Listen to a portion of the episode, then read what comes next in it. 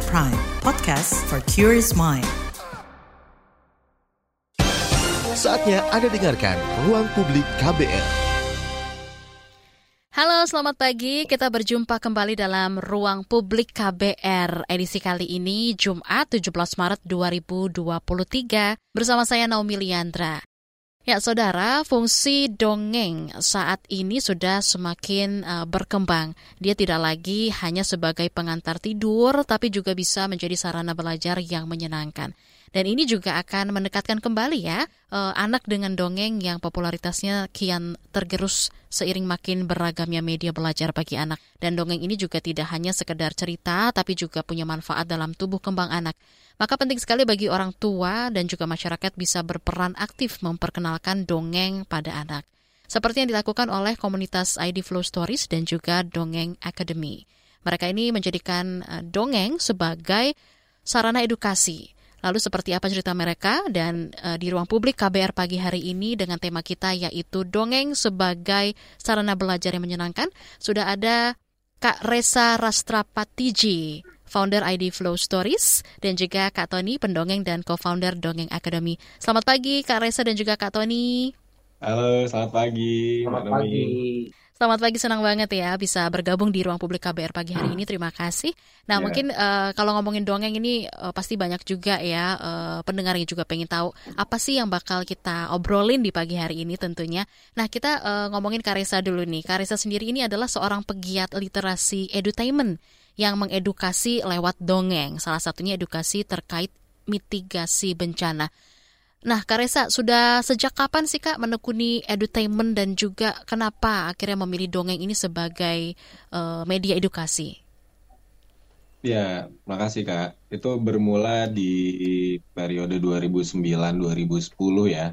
Uh, jadi pada periode 2009-2010 itu mulai intens uh, menekuni bidang edutainment dalam jalur terutama mendongeng yaitu dilakukan karena memang sesuatu yang menyenangkan dan hal yang saya anggap penting gitu. Jadi uh, sambil menjalankan misi uh, sambil bersenang-senang, sederhana aja begitu. Baik, jadi uh, sambil menjalankan misi sambil bersenang-senang gitu ya, Karesa ya? Iya. Tapi uh, uh, mungkin uh, untuk di awal gitu ya sebelum kita ngobrol lebih lanjut lagi mungkin bisa dikasih tahu sama pendengar juga gitu ya uh, dikasih tahu sama Kareza apa aja sih manfaat-manfaat dongeng untuk anak mm-hmm. gitu kak dan apa nih respons anak-anak uh, yang mendengarkan dongeng ini sendiri? Kalau manfaat dongeng banyak banget hmm. uh, terutama dari segi perkembangan linguistik karena cara belajar manusia itu kan melalui pendengaran ya pada hmm. awal uh, masa kehidupannya gitu. Jadi mendongeng itu sangat membantu setiap anak yang terlahir untuk memahami bahasa ibunya, kemudian berbicara dengan uh, bahasa lingkungannya, uh, dan memahami lingkungan melalui apa yang dituturkan dari sekitar dia. Nah, dongeng itu membantu anak-anak uh, untuk menerima informasi tentang hal-hal yang berlaku umum dalam lingkungan mereka uh, melalui cerita-cerita. Jadi mungkin kalau anak-anak kan masih sangat minim ya pengetahuannya tentang lingkungan. Nah, itu bisa disampaikan melalui dongeng sebagai pengantar. Itu dan itu yang dilakukan di dalam ruang masyarakat tradisional serta leluhur-leluhur kita. Jadi anak-anak dipaparkan melalui dongeng terlebih dahulu baru kemudian dia ketemu secara kontekstual hal-hal okay. tersebut dalam kehidupan gitu mbak. Oke baik. Lalu uh, respon dari anak-anak sendiri mendengarkan ini seperti apa Karesa? Uh, sangat beragam hmm. respon dari anak-anaknya, tapi pada umumnya mereka sangat antusias hmm. gitu. Hmm. Apalagi ketika dongeng ini disampaikan secara interaktif, kemudian melibatkan mereka sebagai uh, bagian dari cerita, sehingga cerita itu kita lakukan bersama. Jadi dalam konsep uh, saya bukan bercerita untuk anak atau bukan mendongeng untuk anak, tapi yeah. kita mendongeng bersama anak. Hmm. Dengan cara itu uh, responnya biasanya sangat antusias gitu. Oke. Okay. Lalu hmm. kalau untuk uh, umur nih Karesa, biasanya sih sejak umur berapa sih bagusnya anak-anak itu bisa sudah mulai hmm. mendengarkan atau diperdengarkan dongeng? Bahkan sejak sebelum lahir uh, sudah bisa diperdengarkan dongeng atau cerita gitu. Okay. karena uh, dalam fase kehamilan anak-anak masih dalam kandungan pun fungsi pendengaran mereka sudah mulai berkembang ya. Terbentuk ya. Bahkan kita tahu ada beberapa penelitian uh, dari ahli-ahli dan pakar-pakar di dunia yang menyatakan bahwa suara-suara itu bisa menstimulasi perkembangan janin, mm-hmm. uh, baik itu stimulasi yang mengarah pada perkembangan positif atau negatif gitu. Nah, dan dongeng salah satu uh, stimulasi suara yang mengarah pada perkembangan negatif ketika dituturkan dengan suara yang lembut sehingga si anak jadi lebih kenal sama suara ayahnya mm-hmm. gitu atau suara ibunya mm. sejak mereka dari dalam perut. Jadi mulai dari hamil dongengin deh anaknya Kemudian ketika lahir dongengin lagi bersama-sama. Hmm, itu juga bisa mendekatkan uh, hubungan ikatan uh, batin antara anak dan juga ibu dan juga ayahnya gitu ya. Ya Kak Bener Resa banget, ya. Oke. Okay. Yes, benar banget itu. Tapi kalau menurut pandangan Kak Resa sendiri, bagaimana sih Kak untuk saat ini gitu ya uh, kesadaran orang tua akan pentingnya mendengarkan anak-anak mereka dongeng gitu sebagai bentuk edukasi? Um, mulai membaik ya. Mulai yang membaik. mulai, mm -hmm. mulai membaik, mulai membaik. Uh, sempat mungkin di periode 90-an atau awal 2000 itu agak menghilang, dongeng itu hampir tidak terdengar, mm -hmm. tapi sejak 2010-an lah ya, yep. itu mulai marak uh, teman-teman pegiat dongeng baik secara profesional maupun pegiat dongeng sebagai hobi. Mm -hmm. Itu kita mulai bergerak dan sambutan orang tua orang tua di Indonesia itu uh, antusias sekali hmm. sehingga mulai banyak orang tua yang saat ini belajar mendongeng uh, secara serius gitu ya hmm. ikut kelas-kelas mendongeng karena mereka mulai sadar apa manfaat dongeng bagi keluarga apa manfaat dongeng bagi anak dan dirinya karena ketika ngedongeng sebenarnya bukan cuma anak yang dapat manfaat orang tua itu juga dapat manfaat uh, itu salah satu cara stress release ya, refreshment hmm. gitu lah. Hmm. Cara healing sebenarnya. Cara healing ya. Ya, salah satu cara healing. Nah, dongeng itu juga dirasakan manfaatnya seperti itu. Hmm, Oke, okay, baik. Karesa tadi sempat bilang eh, kelas-kelas uh, uh, mendongeng gitu ya. Nah, ini kita tanya langsung yeah. ke Kak Tony uh, pendongeng dan juga co-founder dari Dongeng Academy sendiri. Nah, Dongeng Academy ini akademi yang mengajarkan mendongeng yang katanya pertama ya Kak di Indonesia. Mungkin bisa diceritakan oleh Kak Tony seperti apa sih latar belakang berdirinya Dongeng Academy ini Kak? Ya, uh, latar belakangnya ini kenapa kita bilang yang pertama karena hmm. kalau misalkan kita melihat komunitas dongeng atau pegiat dongeng itu sudah banyak sebetulnya okay. di Indonesia. Tapi yang mewadahi ini sebagai akademi dan uh, goalsnya kita adalah pendongeng profesional, mm-hmm. pendongeng sebagai profesi, uh, ini kita yang pertama kali dan kita menjadikan uh, dongeng akademi ini sebuah sebuah kelas lah. Mm-hmm. Kalau sebelumnya kita lakukan masih by online ya, karena baru dua kali kita ngadain uh, pas pandemi sama ya masa transisi itu. Mm-hmm. Nah ke depannya sih kita mau bikin yang secara tatap muka. Secara offline berarti ya? Ya, secara offline. Nah ini sejak kapan Kak Tony uh, didirikannya Dongeng Akademi ini dan siapa aja sih uh, founder-founder lain gitu yang ikutan menciptakan Dongeng Akademi ini? Ya, kalau didirikannya itu uh, awalnya keresahan kita waktu mm -hmm. pandemi. Mm -hmm. Karena waktu pandemi ini uh, banyak masalah dari pendongeng yang susah beradaptasi dari offline ke online. Oke. Okay uh, yang biasanya secara pertunjukan langsung, nah ini diadaptasi ke layar kaca yang sedikit mm-hmm. dan interaksinya tidak langsung nih, ada batas, ada tembok gitu. Nah, kita melihat beberapa pendongeng yang uh, sudah berjalan, tapi ketika beradaptasi ke media yang lain mm-hmm. uh, masih canggung. Nah, mm-hmm. akhirnya kita coba memfasilitasi itu dan kita buatlah uh, dongeng akademi ini. Nah, foundernya itu kita berempat, Mbak. Salah satu, salah duanya ada di sini. Saya sama Kak Resa. Oke, okay, baik. Saya, Kak Resa, terus Kak Awam, hmm. kemudian Kak Ojan. Itu hmm. kita kami berempat kita uh, sepakat bikin itu sih, Dongeng Akademi. Oke, okay. jadi sebenarnya uh, memang terasa lebih feel banget itu pada saat uh, offline ya, Kak Tony dan juga Kak Resa ya, kalau lagi mendongeng. Pada saat dibatasi dengan layar gitu, jadi terbatas juga. Gimana menurut Kak Tony? Uh, ada ininya sih, ada kelebihan dan ada hmm. kekurangannya juga kalau misalkan saat uh, online, yeah. itu kita cara mendongengnya itu lebih simple. Artinya bisa dengan duduk dan menggunakan alat peraga dan lain sebagainya dan di apa namanya di aplikasi itu kan udah banyak uh, apa namanya efek-efek yang bisa kita gunakan yeah. agar lebih menarik itu. Nah, mm-hmm. dan apa namanya kekurangannya interaksinya terbatas, tapi kelebihannya juga uh, kita tidak perlu keluar rumah sih. kita nggak perlu keluar rumah, jadi uh, dalam satu dalam waktu berdekatan mm-hmm. itu kita bisa misalkan dongeng jam 10 kemudian setelah selesai lanjut lagi di tempat yang lain lagi via Zoom dan lain sebagainya. Tapi kalau uh, offline kan nggak bisa tuh karena jarak tempuh hmm. dan segala hmm. macam ya. Jadi ya, memang plus minusnya, plus gitu minusnya sih. ada ya, ya hmm. seperti itu tadi. Lalu kalau dari dongeng akademi sendiri apa aja sih kak uh, yang diajarkan di dongeng akademi ini? Uh, garis besarnya kita itu mengajarkan dari sebelum naik panggung hmm. persiapannya sampai dengan uh, kita mengajarkan ke teman-teman itu uh, bisnis kreatifnya.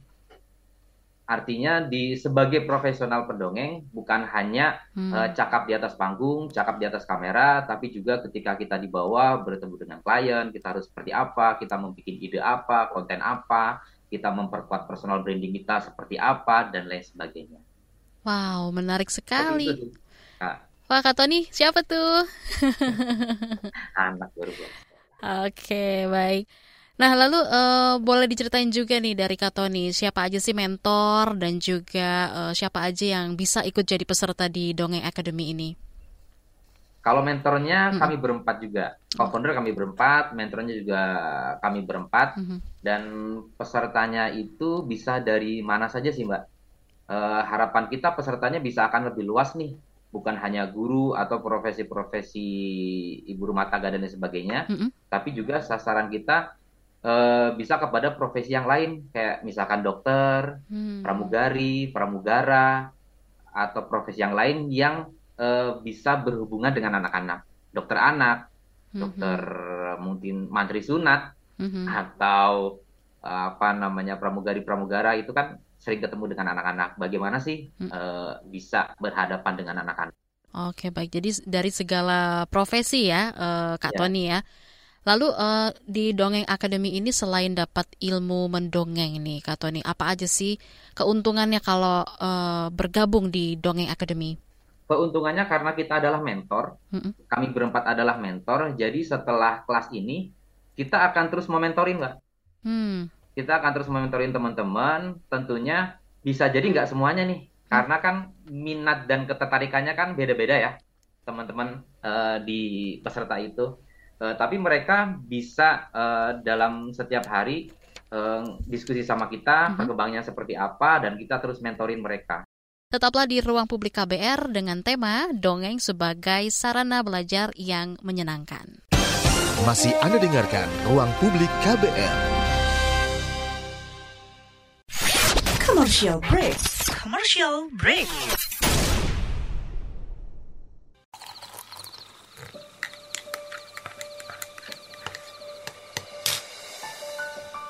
Hai, kamu apa kabar? Masih suka menikmati senja dan kopi? Aku masih ingat kebiasaan kita. Sehabis pulang kerja, selalu mencari tempat untuk sekedar ngobrol dan ngopi. Tapi kadang kita kehabisan bahan obrolan. Aku masih melakukan hal yang sama sampai sekarang tanpa harus takut habis bahan buat ngobrol. Karena aku selalu mendengarkan KBR sore dari Senin sampai Jumat jam 4 sore. Ah, aku rindu. KBR Inspiratif Terpercaya. Masih Anda dengarkan Ruang Publik KBR.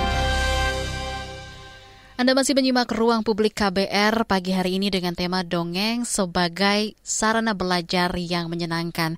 Masih bersama dengan kedua narasumber kita, ada Kak Resa, founder ID Flow Stories, dan juga Kak Tony, co-founder Dongeng Academy. Nah, kita lanjut lagi nih ke Kak Tony dulu ya. Kak Tony, uh, tadi sebelum iklan sempat aku infokan dulu sebelumnya. Ini sebenarnya kalau peserta yang ikutan gabung ataupun join di Dongeng Academy nantinya bisa ikutan project juga nggak sama Kak Tony and the gang? Ya, bisa. Oke. Okay. Dan itu ada syarat ketentuannya kah atau seperti apa? Kalau syarat ketentuannya selama ini belum sih, belum kita atur untuk ikutan proyeknya. Mm-hmm. Cuma setelah sejauh ini kita juga sedang uh, coba membuat proyek agar bisa di agar bisa digulirkan buat teman-teman juga. Oke, baik. Lalu kalau kita ke Kak Reza nih ya, Kak Reza, komunitas ID Flow Story sendiri ini kan memberikan edukasi, salah satunya soal kebencanaan uh, kebencanaan menggunakan dongeng gitu. Nah, kenapa memilih kebencanaan nih, uh, Kak Reza? Oke, okay, uh, sebenarnya bukan bukan memilih kebencanaannya, hmm. Mbak Nomi. Oke. Okay. Uh, tapi dalam perjalanan saya ketemu teman-teman yang berasal dari banyak zona gitu ya, hmm. zona profesi.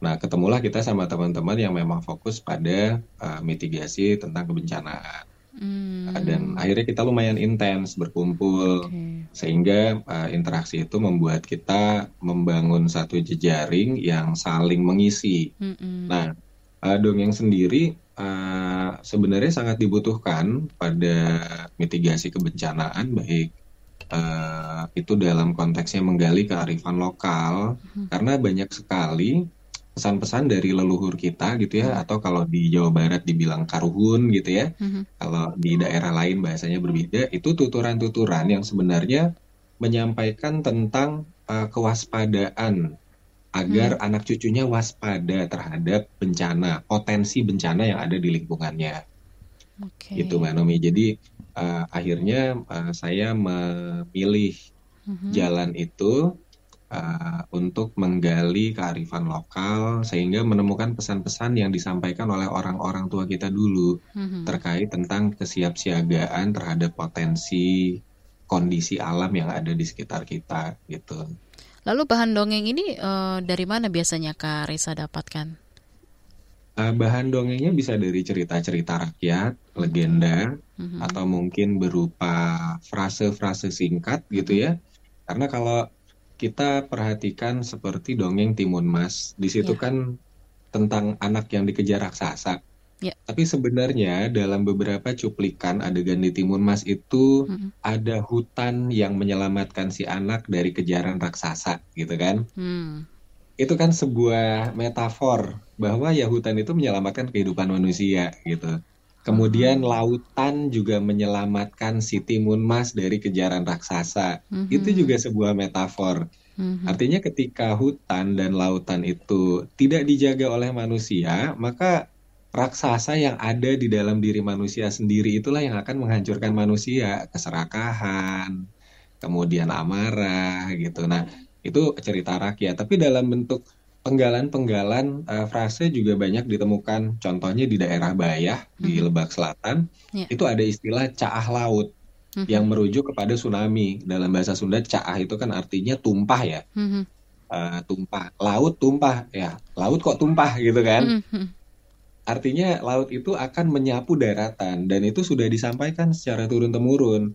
Berikut juga dengan uh, tanda-tandanya gitu. Kalau dulu mungkin kita mendengar tanda-tandanya itu sebagai sebuah mitos atau hmm. hal-hal hmm. yang mistik.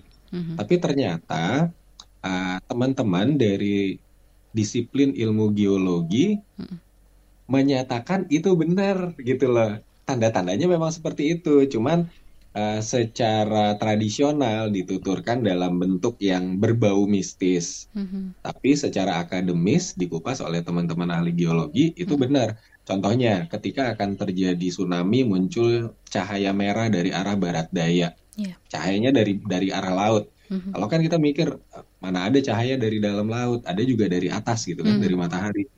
Nah, ternyata di di lempeng bumi itu ketika terjadi pergesekan, mineral-mineral yang ada itu bisa memancarkan cahaya yang akhirnya semburat cahaya itu muncul ke permukaan laut dan terlihat oleh orang-orang di daratan. Nah, artinya ketika lempeng bumi bergerak, di situ kan terjadi potensi tsunami, yeah. gitu. Nah, itu yang yang yang kita gali bersama teman-teman dan itu yang membuat kita takjub ternyata leluhur kita orang-orang yang sangat cerdas. Mereka hmm. bisa membaca dan memahami alam dengan sangat komprehensif hmm. dan penyampaiannya itu melalui tuturan gitu. Wow.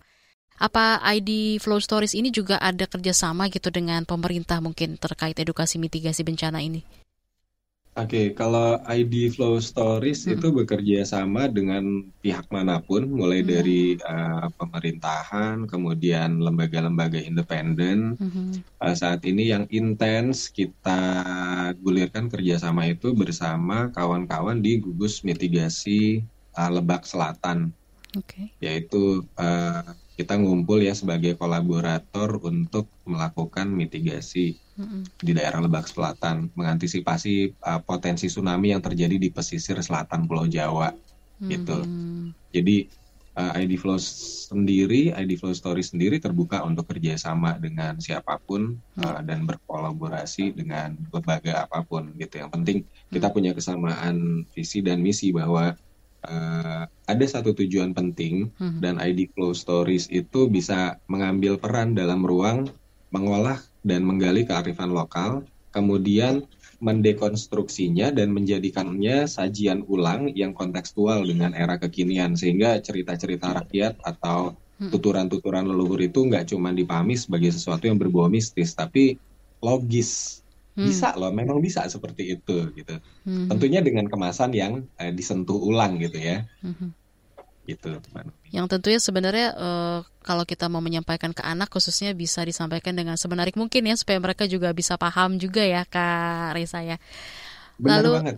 ini uh, boleh tahu nggak nih kak Reza tantangan-tantangannya ini seperti apa nih kak kalau mau kasih edukasi soal mitigasi bencana ke anak-anak tantangan untuk menyampaikan itu ke hmm. anak-anak hmm bagaimana kita menyampaikannya dengan bahasa yang halus tanpa membuat mereka merasa takut gitu karena uh, yang sering terjadi ketika kita menyampaikan mm-hmm.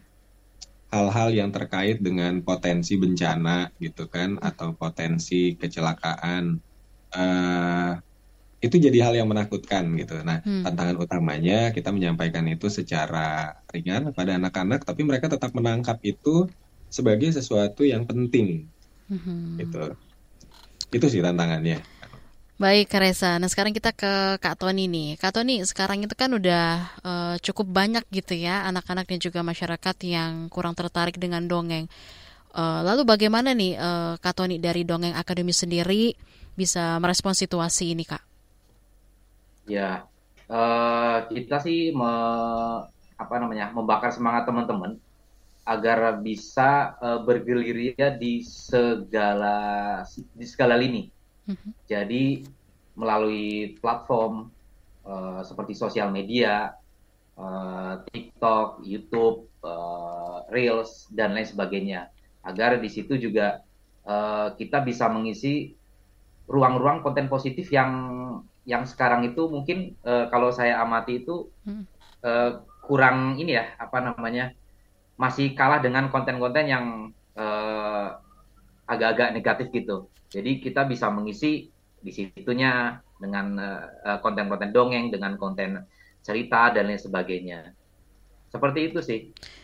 Baik, Kak Tony. Lalu uh, tantangan dari Kak Tony sendiri dan juga mungkin dari Dongeng Akademi gitu ya pada saat mengajarkan orang-orang untuk menjadi pendongeng ini ceritanya seperti apa nih Kak Tony? Mungkin ada cerita yang paling mengesankan kah selama di Dongeng uh, Akademi? Ya, sebetulnya tantangannya hmm. itu uh, bagaimana kita bisa memberikan semangat nih kepada teman-teman konsisten untuk belajarnya konsisten. dan kemudian uh, bisa terus mempraktekannya karena kita juga kasih tahu ke teman-teman peserta mau ikut pelatihannya seribu kali kalau nggak hmm. pernah dipraktekin itu juga nggak akan jadi apa-apa tapi untuk latihan untuk ikut pelatihan kelas itu cukup sekali aja atau kalau mau dua kali tiga kali nggak apa-apa nggak usah banyak-banyak tapi banyakin di prakteknya karena uh, mendongeng itu kan ini ya apa namanya praktek ya, bukan hmm. hanya teori.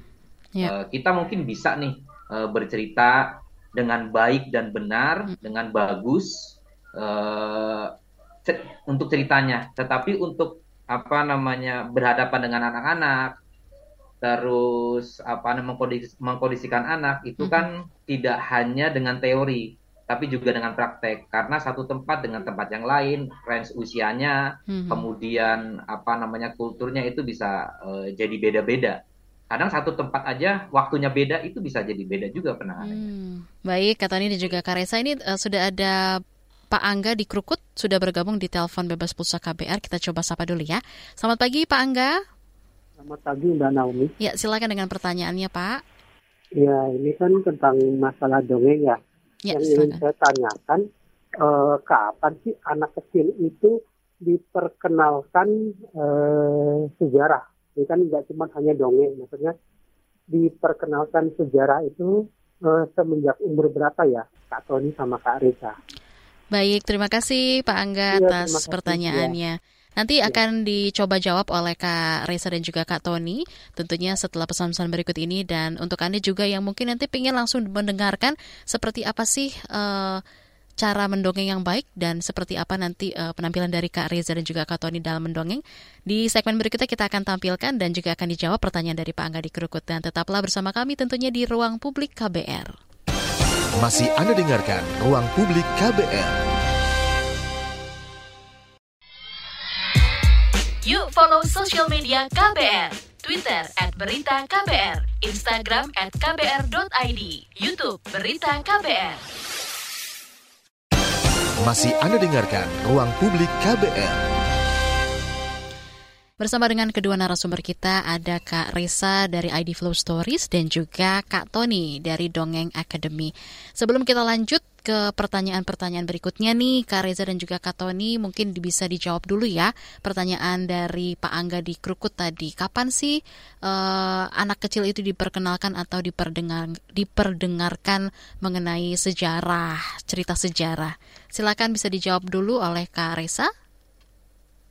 Ya, jadi uh, untuk menyampaikan eh, tema-tema uh, tertentu pada anak-anak itu kita juga harus melihat uh, fase perkembangan mereka. Hmm. Itu pertanyaannya bagus banget gitu kan, mulai kapan nih bisa disampaikan cerita sejarah? Karena nyampein cerita sejarah itu uh, perlu pemahaman ya, maksudnya konteks si anak itu harus udah paham tentang tentang uh, tubuh gitu kan, uh-huh. tentang lingkungan, benda-benda di sekitar, kemudian tentang sosok manusia gitu. Yeah. Nah, biasanya pemahaman seperti itu bisa didapat di atas usia lima tahun. Uh-huh. Kalau sederhananya mungkin usia SD ya. Gitu. Karena cerita sejarah kan menampilkan tokoh ya, sosok orang pahlawan dan itu bukan fiksi. Sejarah itu nyata gitu, tapi disampaikannya dalam bentuk cerita kemudian ada kejadian, mm-hmm. kemudian di situ juga ada ruang, mm-hmm. ada settingnya. Nah, itu akan lebih lebih mengena kepada si anak ketika disampaikan uh, di anak usia lima tahun ke atas. Okay. Dengan catatan si anak itu punya kemampuan linguistik yang baik, pemahaman mm-hmm. akan bahasanya. Kalau belum, mm-hmm. lebih baik bercerita kepada anak-anak tentang hal-hal yang terkait uh, lekat dengan dirinya atau mm. lingkungan terdekatnya gitu melalui dongeng juga. Jadi uh, menyampaikan cerita sejarah kepada anak usia SD itu sangat bagus hmm. kalau mereka sudah punya kemampuan linguistik yang baik sehingga mereka lebih mengenal bangsanya, hmm. bahkan lebih mengenal dunia dan itu yang uh, satu hal yang perlu kita bangun sama-sama ya sekarang ya. ya. Uh, mengembalikan identitas dan kebanggaan kita sebagai bangsa Indonesia. Kita punya pahlawan-pahlawan yang luar biasa di semua daerah kita punya orang-orang hebat yang nggak terdengar gitu. Mm-hmm. Nah, melalui dongeng atau cerita itu kita bisa membangun uh, satu kebanggaan mm-hmm. bersama anak bahwa ih orang Indonesia tuh sebenarnya hebat loh, keren loh gitu. Mm. Baik, nah ini uh, sebelum kita lanjut nih mau dengerin dongengan dari Kak Raisa dan juga Kak Tony, mungkin ada tanggapan tambahan dari Kak Tony mengenai sejak kapan anak kecil diperkenalkan soal sejarah ini? Silakan Kak. Iya, baik Mbak. Melanjutkan tadi Kak Reza itu. Uh-huh. Nah, kemudian uh, saya coba menjelaskan tentang kalau dongeng itu kan materinya. Yeah. Mendongeng itu kegiatannya. Uh-huh. Jadi kegiatan mendongeng itu juga bisa diisi dengan cerita ataupun sejarah. Yeah. Sehingga anak-anak itu ketika mendengarkan sejarah uh-huh. bukan menghafal tahun, uh-huh. tanggal, tempat, tapi di imajinasi mereka ada nih hmm. wah sosok Jenderal Sudirman dengan topinya, dengan gagahnya, dengan jasnya, dan jalannya seperti apa dan bagaimana itu imajinasinya tuh mereka dapat yeah. sehingga yang melekat di anak-anak itu eh, selama eh, pengalaman kita dulu waktu zaman SD itu kan hmm. kalau pelajaran sejarah menghafal ya. Iya betul. Ya kan, nah eh, gimana caranya pelajaran sejarah itu bukan lagi menghafal, hmm. tapi dipahami. Hmm. Nah, eh, kalau untuk menghafal tahun segala macam itu sambil berjalan lah tapi yeah. mengimajinasikan cerita sejarah itu itu lebih lebih ini ya menurut saya lebih lebih dapat ke hmm. anak-anak ketika kita bisa memunculkan tokohnya seperti apa, peristiwanya seperti apa, sehingga imajinasi kita, bayangan kita ketika bercerita itu sama dengan bayangan imajinasi anak-anak. Hmm. Kira-kira seperti itu sih Mbak. Jadi uh, mendongengnya isinya bisa apa aja, bisa sejarah, bisa cerita dan lain sebagainya. Jadi yang dimainkan itu theater of mind-nya ya, Kak Tony ya? Yes, okay. bukan hanya bu, isinya materinya bukan hanya dongeng aja. Baik. Nah, ini nih uh, pendengar dan juga yang sedang menyimak melalui channel YouTube KBR sudah menantikan uh, dongeng yang akan dipersembahkan oleh Kak Resa dan juga Kak Tony. Mungkin dari Kak Resa dulu, silakan Kak Resa. Ya, jadi sekarang story time ya. Ya, betul. Simak baik-baik ya pendengar dan juga Anda yang sedang menyimak KBR di YouTube. Oke, ketika itu Timun Mas sedang berlari menjauh dari garis pantai karena dia baru saja berhasil membuat Buto Ijo tenggelam dengan lautan yang begitu luas. Nah, di daratan itu Timun Mas bertemu dengan seorang kakek dan dia bercerita tentang apa yang dilaluinya. Kemudian kakek itu berpesan, Timun Mas, Hati-hati, suatu ketika Buto Ijo itu bisa bangun dan mengejarmu kembali. Timunas kemudian bertanya pada kakek itu, Oh ya? Dari mana aku bisa tahu tanda-tandanya, kek? Oh, ketika raksasa itu terbangun tentu saja dia akan lapar dan haus. Dia akan meminum air laut itu dan memakan semua yang ada di dalam laut. Kemudian dia akan memuntahkannya kembali ke daratan untuk kemudian mengejarmu Timun Mas. Dan ketika itu terjadi, kamu harus selalu siaga dan mencari tempat yang tinggi. Selamatkan dirimu di atas tempat-tempat tinggi. Oh, baik kakek. Aku akan mengingat itu. Ternyata betul. Pada beberapa tahun kemudian Buto Ijo bangun, ketika dia bergerak terjadi getaran di bumi, kemudian air laut mendadak surut, dan tak lama kemudian air laut menyapu daratan. Karena Timun Mas ingat pesan kakeknya, dia berlari ke puncak bukit dan akhirnya selamat dari air laut yang menyapu daratan. Wow, luar biasa sekali Kak Reza menceritakan soal Timun Mas. Jadi flashback nih, aku jadi kebawa suasananya. Thank you ya Kak Reza. Nah sekarang kita boleh, oke okay, kita boleh dengerin juga dari Kak Tony. Silakan Kak Tony. Suatu hari, seekor burung gagak ingin menyeberang ke sebuah pulau yang di sana ada makanan yang sangat lezat, buah-buahan yang enak-enak. Tapi saat itu burung gagak tidak ingin terbang dia ingin merakit sebuah perahu yang dibuat dari timun-timun yang dirangkai dengan kayu-kayu kecil. Ketika burung gagak sedang merangkai timun-timun itu dengan kayu-kayu kecil, ada seekor monyet melihat dari atas. Wow, burung gagak sepertinya sedang apa ya? Hei burung gagak, kamu sedang apa? Burung gagak itu menjawab, Aku sedang merakit timun untuk menjadi perahu. Kamu mau ke mana? Aku akan menyeberang ke pulau sana. Di sana ada makanan yang sangat lezat. Aku boleh ikut denganmu? Oh, tentu saja. Tapi dengan satu syarat. Apa?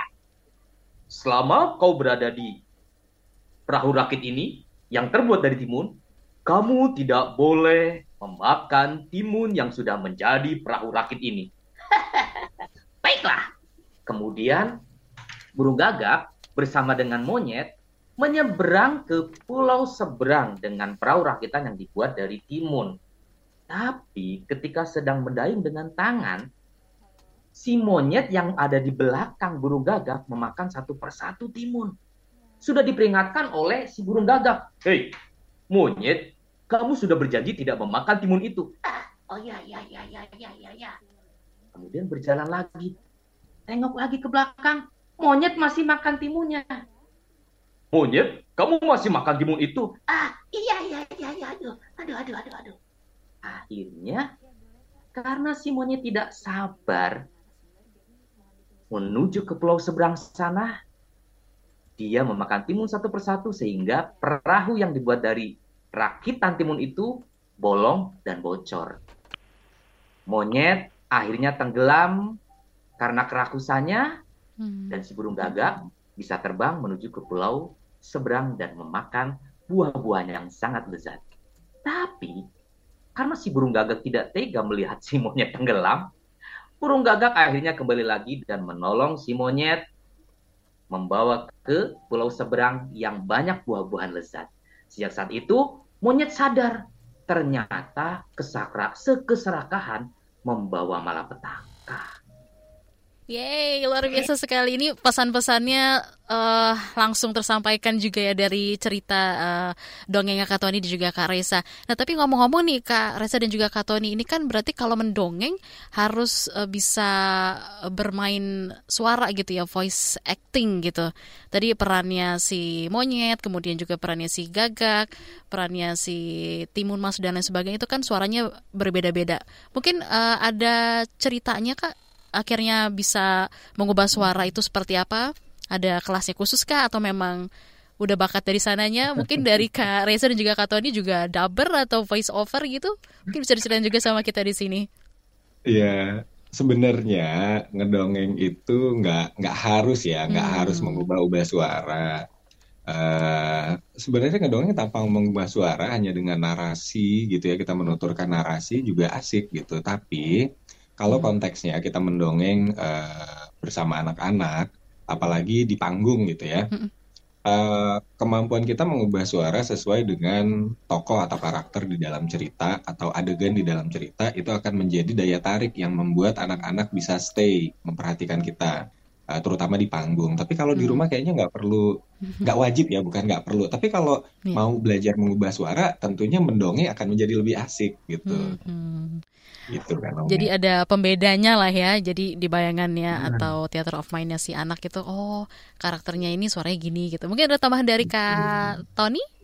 Iya, betul yang dikatakan sama Kak Resa. Jadi bukan hanya dengan mengubah suara, bisa dengan narasi, dan bisa juga dengan intonasi hmm. ataupun logat.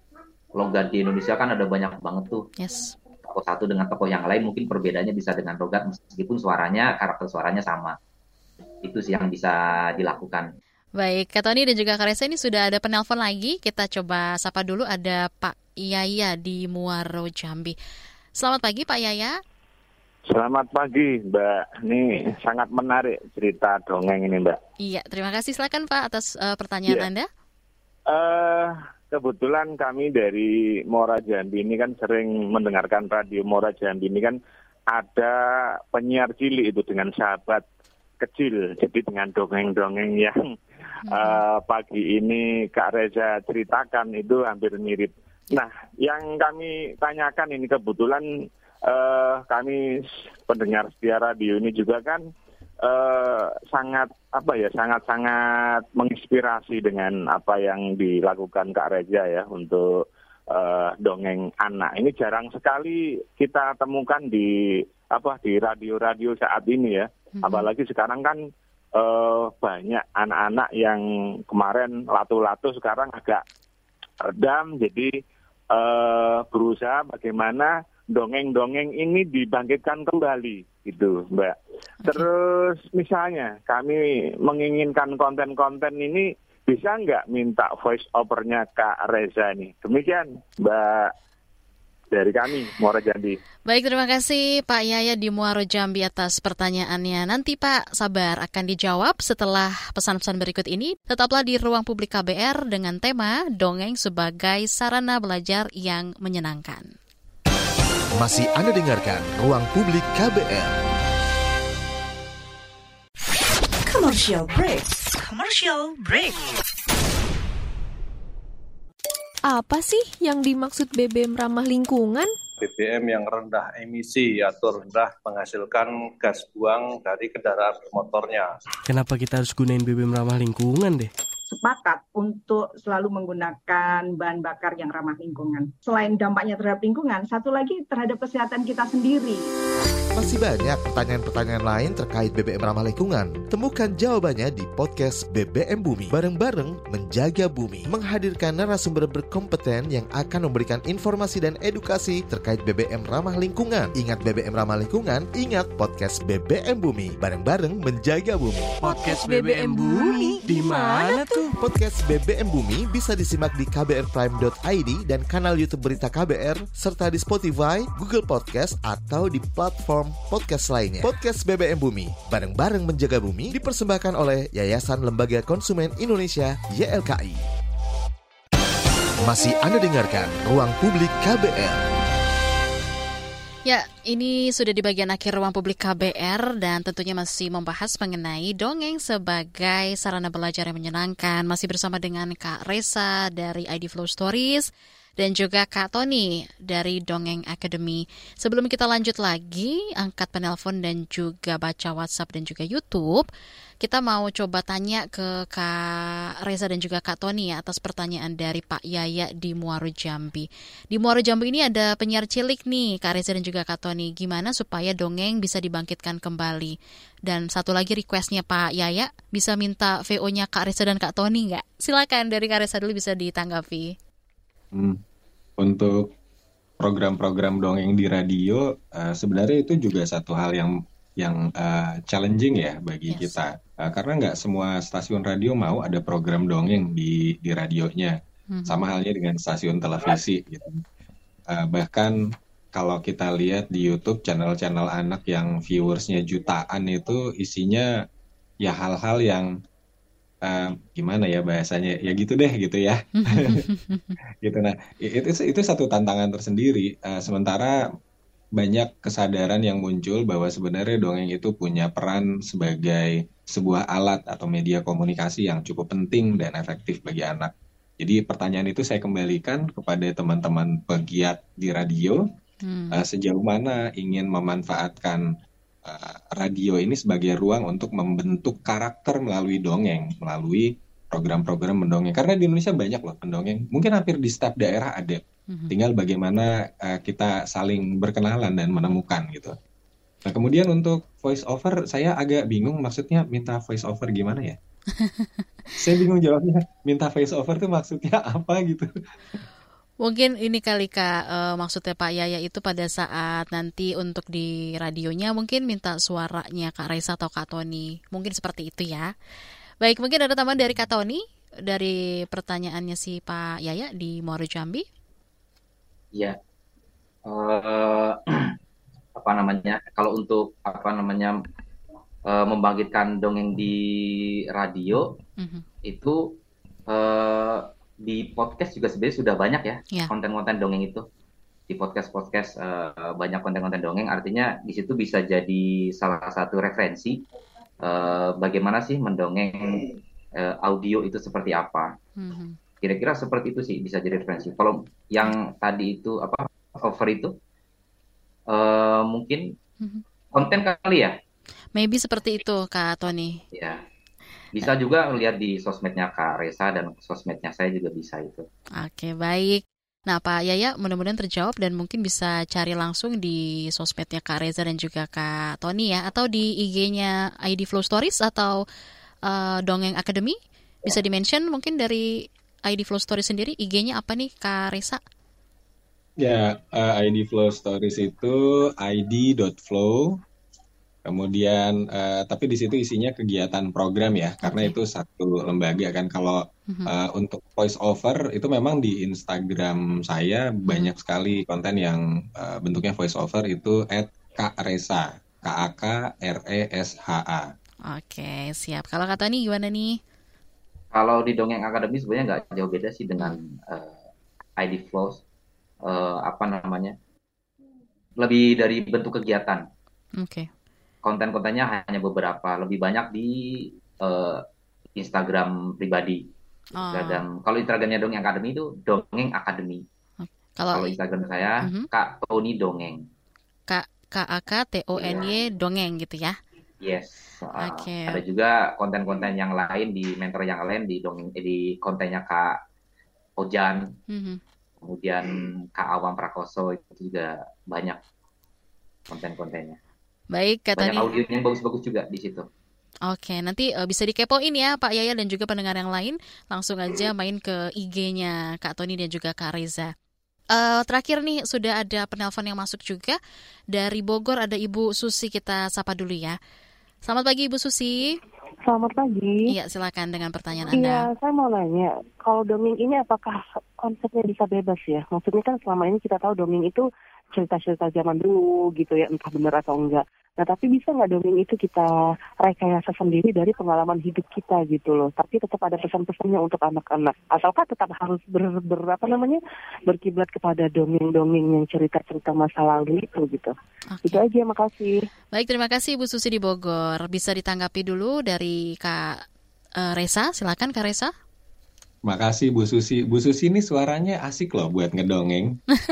Jadi kalau Bu Susi nanya bisa nggak sih dongeng uh, bukan dari cerita rakyat atau legenda bisa banget dari hmm. cerita tentang masa kecilnya Bu Susi, kemudian tentang pengalaman-pengalaman yang dilalui itu bisa dikemas dan disajikan dalam bentuk dongeng. Uh, dan itu juga bisa menjadi salah satu media mendekatkan orang tua pada anaknya karena anak jadi nyadar eh ya dulu orang tua saya juga pernah kecil loh gitu kan. Nggak langsung besar kan ya? iya iya. Nah okay. itu itu cerita uh, dongeng-dongeng yang bisa disampaikan. Ya mungkin istilahnya bukan dongeng ya tapi menceritakan masa kecil. Tapi kalau mau dijadiin dongeng juga bisa ganti aja tokohnya. Si ibu jadi hmm. siapa temennya jadi siapa jadi deh itu sebuah dongeng gitu kan. Hmm. gitu.